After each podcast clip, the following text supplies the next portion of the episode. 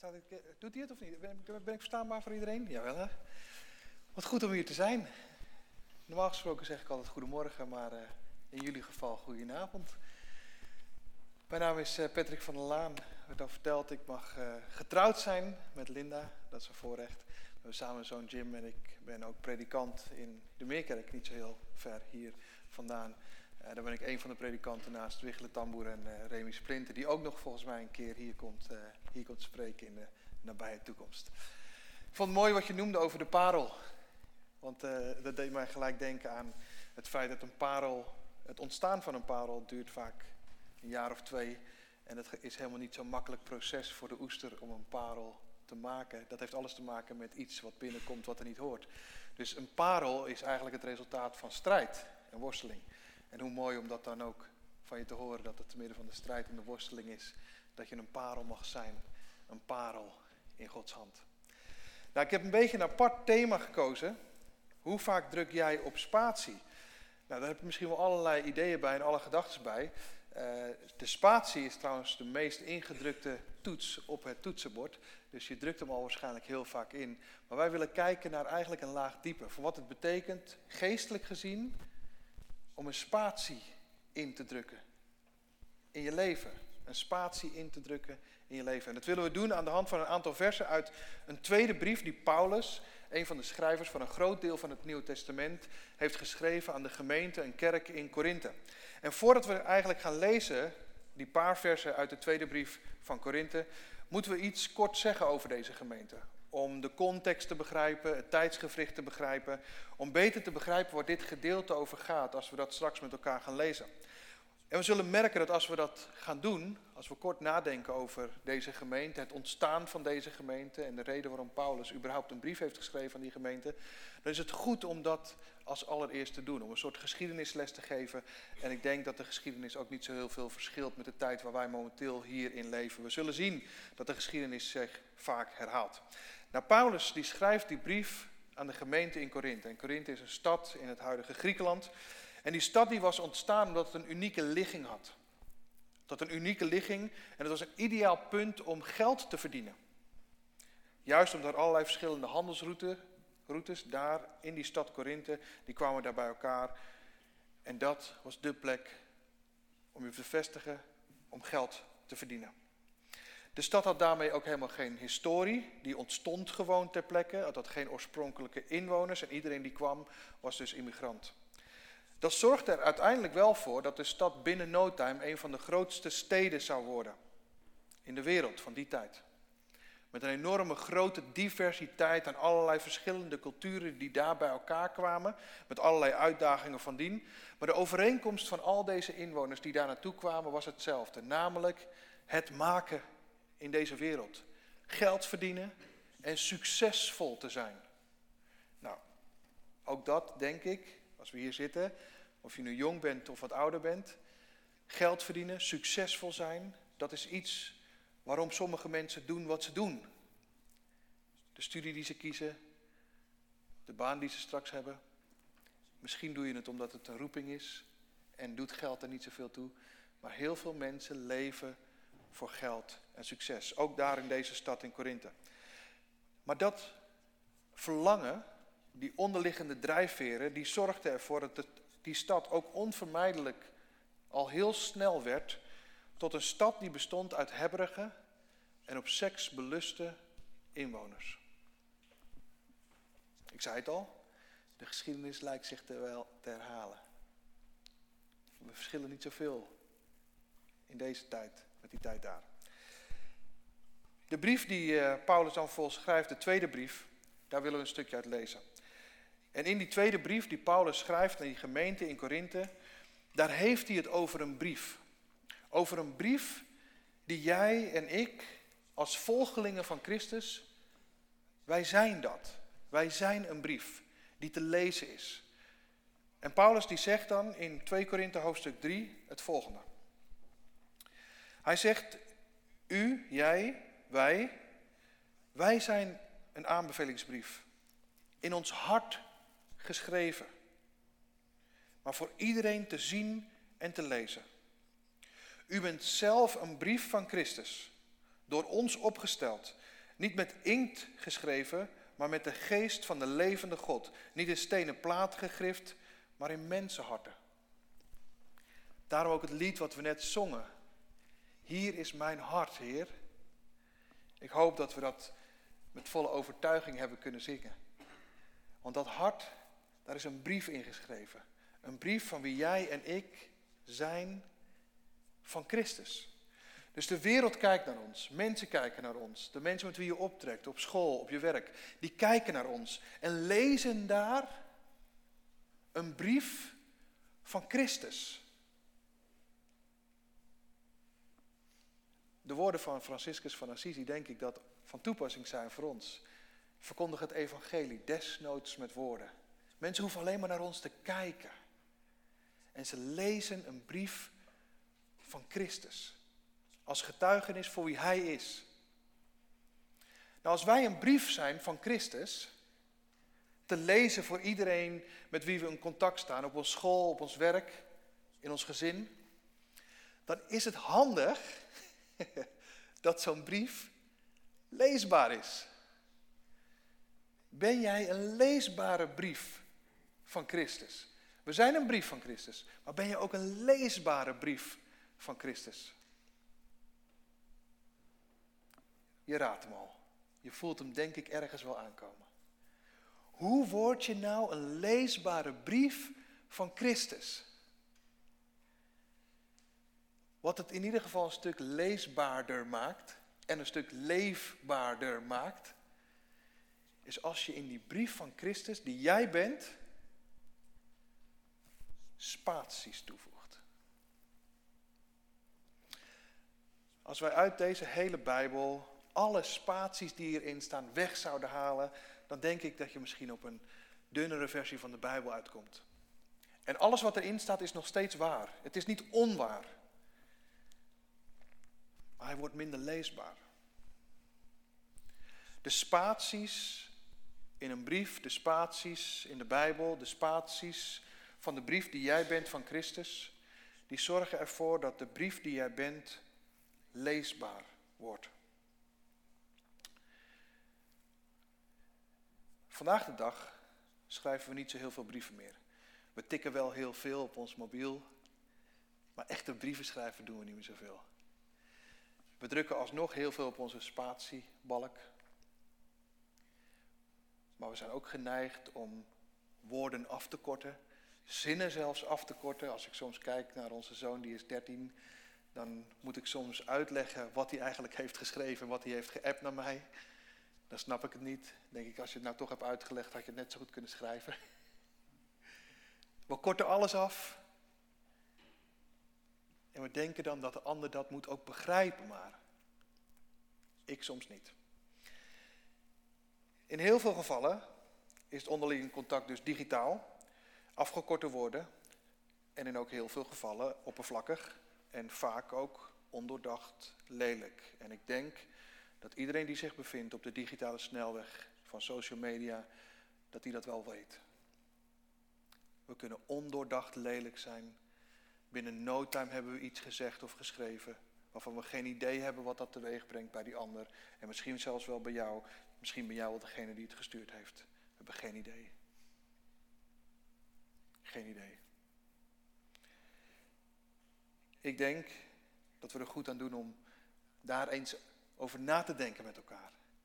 Over wat het betekent om een leesbare brief van Christus te worden. Te midden van een samenleving die alleen maar meer wil. We willen alleen maar meer, beter, leuker, sneller. We leven in een samenleving van nemen, halen, hebben. En de wereld lijkt steeds meer op een hele grote speeltuin met krijzende, kritische kinderen. En ook in de kerk, helaas, is dat binnengeslopen. Het is niet meer alleen de wereld buiten de kerk. Het zijn niet alleen maar de mensen die zeggen dat ze niet geloven. Het zijn ook de mensen die zeggen dat ze wel geloven. Ook in de kerk slingeren we door die jungle van genot die het vaak lijkt te winnen van God. Ook in de kerk zijn we kritisch geworden. Ook in de kerk willen we sneller, beter, leuker en meer. Wat ik vandaag eigenlijk wil meegeven, is dat het leven van een christen als volgeling van Jezus Christus niet in eerste instantie gaat over meer, maar over minder. En dat minder, dat is geen degradatie van je leven. Dat minder is een upgrade van je leven. Spaties toevoegen maakt je leven niet saaier. Het geeft je leven betekenis. Je komt op een dieper vlak. En ik denk dat het goed is om daarover na te denken. Ik weet niet hoe jullie dat ervaren, maar tegenwoordig is het heel hip en heel populair om heel druk te zijn. Als ik mensen spreek, inclusief mezelf, ik vlak mezelf niet uit, inclusief mezelf, dan hoor je nog wel eens als mensen zeggen van ja, hoe, hoe, hoe gaat het met je? Ja, ja goed, lekker druk, lekker druk. Dus druk is ook lekker gewoon, we hebben lekker druk. We hebben niet normaal druk, we hebben het gewoon lekker druk. Onze agenda's zitten overvol. En als je ergens met iemand een keer een afspraak wil maken, vooral in een groep, dat is bijna niet te doen. Probeer maar eens met je gezin gewoon een weekend weg te gaan, of met je familie, of met vrienden. Ja, waarschijnlijk pas in de zomer van 2027. Als je op tijd bent, als je het vandaag nog gaat regelen. We zitten overvol. Geen plek, geen ruimte, geen rust. We zijn druk. En in die drukte, daar hebben we een soort waarde aan verbonden. Dat als je heel druk bent, dan laat het zien dat je ook van waarde bent. Je stelt iets voor. Het is een deel van onze identiteit geworden. Moet je je voorstellen dat iemand vraagt: Joh, wat ga jij eigenlijk morgen doen? En jij zegt: Ja, joh, ik heb niks op mijn agenda staan. Dan denken mensen: Joh, ben je depressief? Ben je, heb je geen vrienden meer? Wat is er gebeurd? Mensen denken van alles. Terwijl een moment nemen om spaties toe te voegen in je leven is heel erg gezond. En ik denk dat spaties ervoor zorgen dat je niet alleen maar een leefbaar leven krijgt, maar je wordt ook nog een leesbare brief van Christus die jij bent. De drukte die zorgt ervoor dat je je spaties uit je brief haalt. Dat is wat drukte doet. Drukte halen de spaties uit je leven. En je wordt onleesbaar. En het leven wordt onleefbaar. Spaties zorgen ervoor dat je leefbaar en leesbaar wordt. Spatie komt van het Latijn spatium en betekent simpelweg ruimte. Dus in een zin met woorden plaatsen we stukjes ruimte. En dat is eigenlijk waar ik over wil nadenken. Wat betekent dat om stukjes ruimte in je leven te plaatsen? Gewoon stukjes ruimte. Ruimte te implementeren in je leven, in je agenda. En zonder dat je daarbij het idee hebt, oh, ik heb geen leven. Nee, je hebt juist leven. Juist, meer dan ooit. Nee zeggen tegen goede dingen, om te kunnen kiezen voor het beste. Dat is super ingewikkeld. Nee zeggen tegen slechte dingen kunnen we nog wel. Maar nee zeggen tegen goede dingen om te kunnen kiezen voor het beste. Dat is lastig. Dat is super lastig. En nee lijkt wel een onacceptabel antwoord te zijn. Ik weet niet hoe jullie dat ervaren. Misschien is dat wel inherent aan kerkenwerk. Maar als ik zeg tegen iemand, joh, nee, we gaan niet afspreken. Onacceptabel gewoon. Terwijl je waarom? Ik denk dat nee een acceptabel antwoord is. En we moeten nee leren zeggen om rust te kunnen implementeren in ons leven. Voor velen is ons leven namelijk een onafgebroken aaneenschakeling van inspanning. En een onafgesproken aaneenschakeling die zonder rust is en zonder ontspanning. En we denken dat twee weken zomervakantie de rest van de vijftig goed gaat maken. Maar vergeet het maar. In het werk wat ik hiervoor deed, toen werkte ik gewoon bij een bedrijf. En toen zeiden mensen wel eens van, joh, ik, ik zie zo uit naar de zomervakantie. En zei ik, gast, het is november. Daar waren ze al mee bezig. Want, want, want daar, daar moet het gebeuren. Daar hebben we even niks. Daar zijn we los van ons werk. Ah, heerlijk. Drie weken aan het strand liggen. Ik, daarvoor, drie weken aan het strand. Alsof dat al die andere weken goed gaat maken. Nee. Nee. Het is helemaal niet wijs om te zeggen dat je met drie weken de rest goed gaat maken van het jaar. Het is wijs om te zeggen, Ik heb in principe geen vakantie nodig. Maar ik vind het gewoon heerlijk om naar het strand te gaan. Maar ik heb de rest van het jaar op orde. Ik heb de rest van het jaar op orde. En daar spreek ik toch ook tegen jongeren en jongvolwassenen. Ik, ik, werd ik werd eigenlijk ik was geschrokken van een artikel wat ik jaren geleden las. In 2018 was dit al. En ik denk dat het in de loop der jaren niet beter is geworden. Maar in 2018 las ik een artikel met de kop: Er moet actie ondernomen worden om een generatie van zombies te voorkomen. En het ging over jongeren, jongvolwassenen tussen 18 en 25 jaar. We moeten iets doen om een generatie van zombies te voorkomen. En dat had te maken met de prestatiedruk die er lag op deze leeftijdsgroep. En ik denk die er nog steeds ligt op deze leeftijdsgroep. Waarin voor alles van ons verwacht wordt. We moeten zoveel. En het is nooit goed genoeg. Een acht is goed. Maar dat ook een negen kunnen zijn. We willen alleen maar meer en meer en meer. En beter en beter en beter. En voor jou tien anderen. Met als gevolg dat 1 op de 5 jong volwassenen tussen 18 en 25 jaar met burn-out klachten thuis komt te zitten. En van die 1 op de 5 die last heeft van overspannen klachten, is 1 op de 3 die serieus heeft nagedacht om een eind aan het leven te maken. Dat is een serieuze boodschap. Dit is in 2018 en ik denk dat in de loop van de tijd het niet minder is geworden. Velen van jullie die kijken wel eens naar uh, Max Verstappen, denk ik zo, Formule 1. Ik denk dat dat exemplarisch is voor ons leven vandaag de dag. Wij zijn Max Verstappers van het leven. We rijden misschien niet echt in een Formule 1 wagen, maar ons leven is wel een Formule 1 race. We racen maar, we gaan maar. Alles met 300 km per uur, vooral op het rechte stuk. We knallen gewoon door al die bochten heen. Dat is ons leven. Gaan, gaan, gaan, gaan, gaan. Maar als je alleen maar blijft gaan, zonder ooit een pitstop te nemen, dan kom je niet met je auto heel over de finish. Pitstoppen zijn noodzakelijk. Als jij met een hele auto de finish over wil gaan. Racen is dus niet het probleem. Dat hoop ik dat je uit de boodschap ook haalt racen door het leven. Joh, ga. Ga met 400 km per uur. I don't care. Maar vermijd die pitstop niet. Vermijd het niet om af en toe te zeggen, joh, ik moet ook gerepareerd worden. Ik moet tot rust komen. Ik moet een spatie toevoegen in die snelle, snelle, dat snelle leven voor mij. als je dat niet doet, dan kom je niet met een hele auto over de finish. En je brief die jij bent van Christus wordt niet leesbaar voor de mensen om je heen. Hoe vaak druk jij op spatie in jouw leven? Hoe vaak heb jij momenten dat je uitstaat? Dat je niets doet?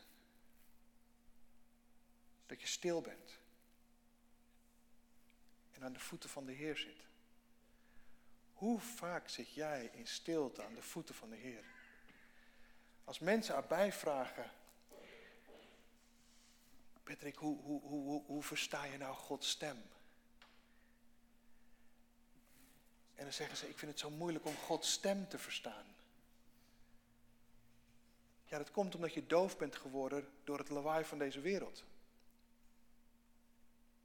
Je bent doof geworden door het lawaai van deze wereld. Je staat alleen maar aan. Kom toch eens tot rust. Ga aan de voeten van de Heer zitten. Neem je tijd. Voeg spaties toe aan je leven. Ruimte, rust, stilte. En ik geloof met heel mijn hart dat in de stilte, dat dat de plek is waar je Gods stem leert verstaan. Dat dat de plek is waar je hart wordt geraakt. Dat dat de plek is waar je leven in beweging wordt gezet. Misschien met 10 km per uur of met 110. I don't care. Dat is de plek waar het gebeurt. Een van de dingen die God zegende, de allereerste pagina's van de Bijbel, daar zegende God het dierenrijk. Hij zegende de mensheid.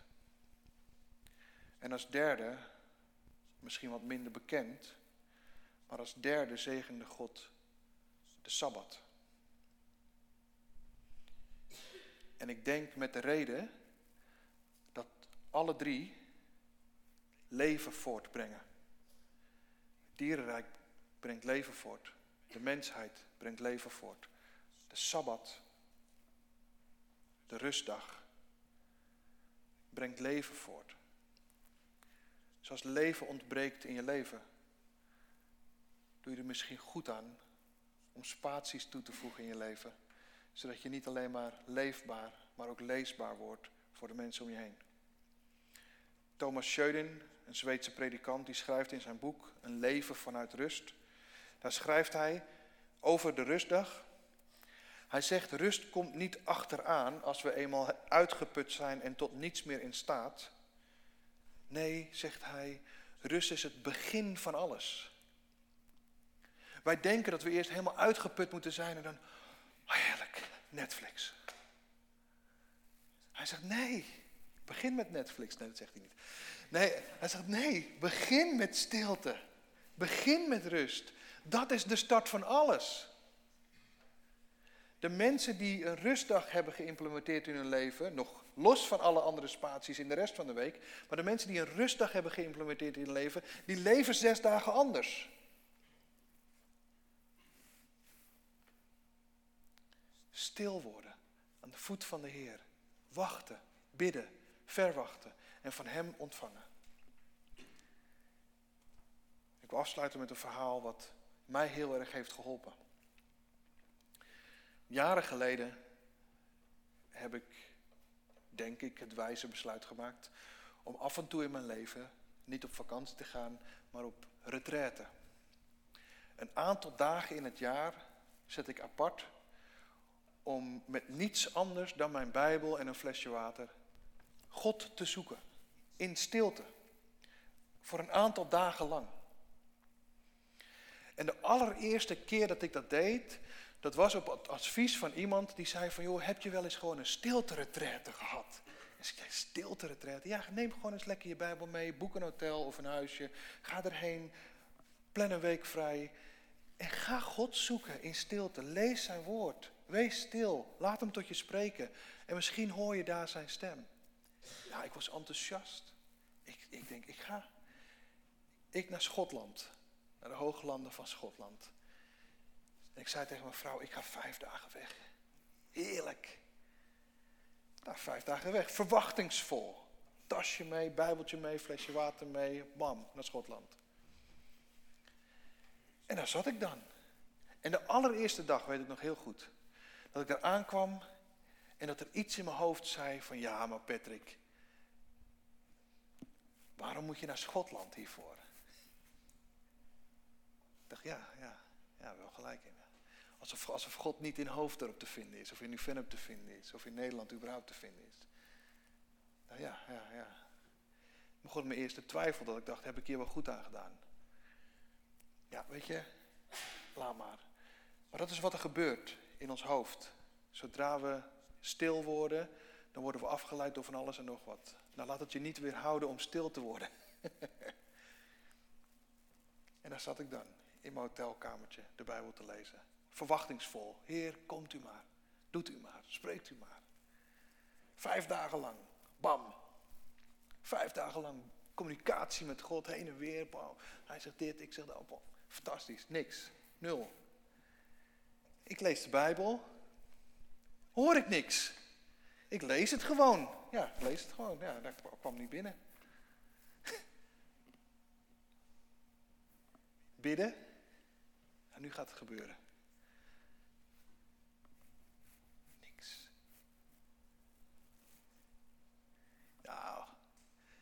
tijdverschil.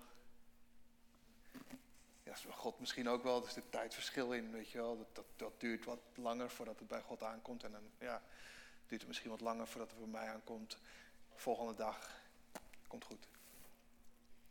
Volgende dag Bijbeltje lezen, Schotse hooglanden in, wandelen, rustig worden, stil worden, Gods aangezicht zoeken, knielen, Bijbel lezen, bidden, stil worden, knielen, Gods aangezicht zoeken, Bijbel lezen, bidden. Niks.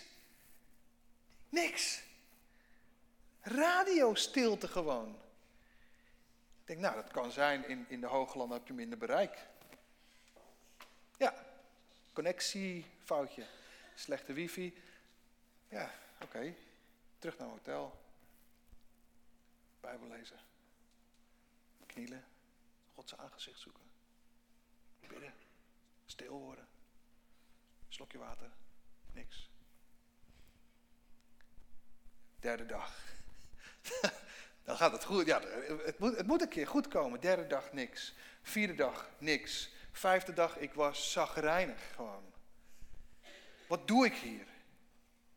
Wat doe ik hier? Ik kom hier, ik zet niet alleen maar geld apart om dit te bekostigen. Ik zet tijd apart. Ik laat mijn gezin alleen. Kom ik hier om uw aangezicht te zoeken. Ik lees uw woord. Ik ben stil. Ik kniel. Niks. Nul. Helemaal niks. Einde retraite.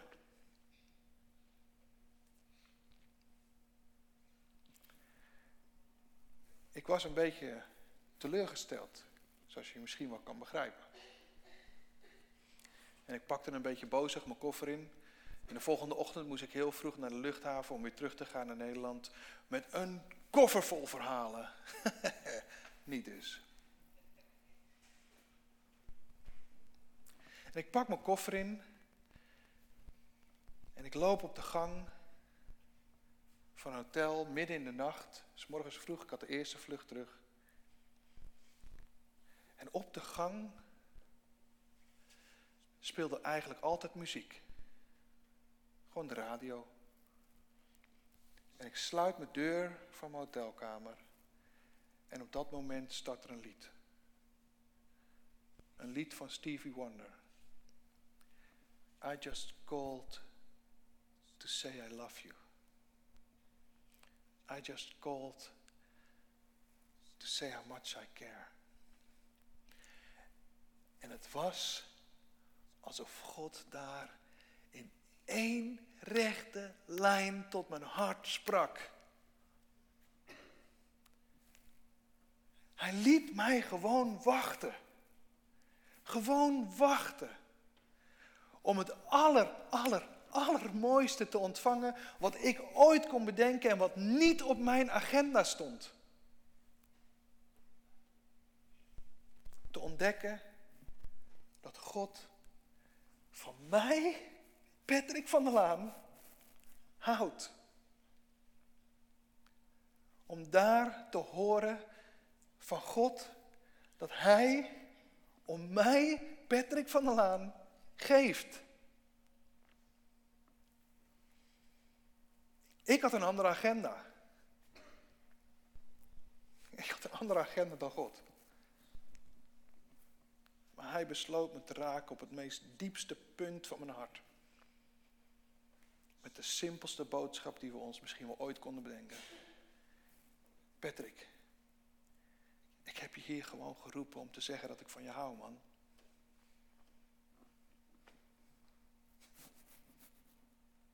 Dat is het. Vanaf dat moment is mijn stille tijd nooit meer hetzelfde geweest. Nooit meer. Nooit meer. En heb ik daar heb ik het belang ingezien van wat het betekent om spaties toe te voegen aan mijn leven. Want de drukte de drukte heeft nooit iemand tot de Heer gebracht. De spaties brengen niet alleen mezelf, maar ook al die mensen voor wie ik bid. Voor het aangezicht van Hem, die op zijn tijd en op zijn wijze ook aan die persoon zal zeggen, hey, ik hou gewoon van je. Hoe vaak druk jij op spatie? Dat is het thema. Ik hoop na vanavond dat je dat wat vaker doet. Omdat ik geloof dat als jij leert wat het betekent om op spatie te drukken in je leven, stil te worden, Gods aangezicht te zoeken, dat jij niet alleen bevestigd wordt in de liefde die God heeft voor jou, maar dat je daarmee ook een leesbare brief wordt voor Christus, voor al die mensen om je heen die Hij jou heeft toevertrouwd. En daarom willen we een lied zingen met elkaar. Houd vol en houd vast. Want Hij laat nooit los. En ik hoop dat we dit lied misschien wel meer dan ooit op een andere manier zullen zingen. In de wetenschap dat wat Gods hand begonnen is, dat Hij dat zal vasthouden en zal voltooien tot de dag dat Hij terugkomt. Ook voor jou en ook voor mij.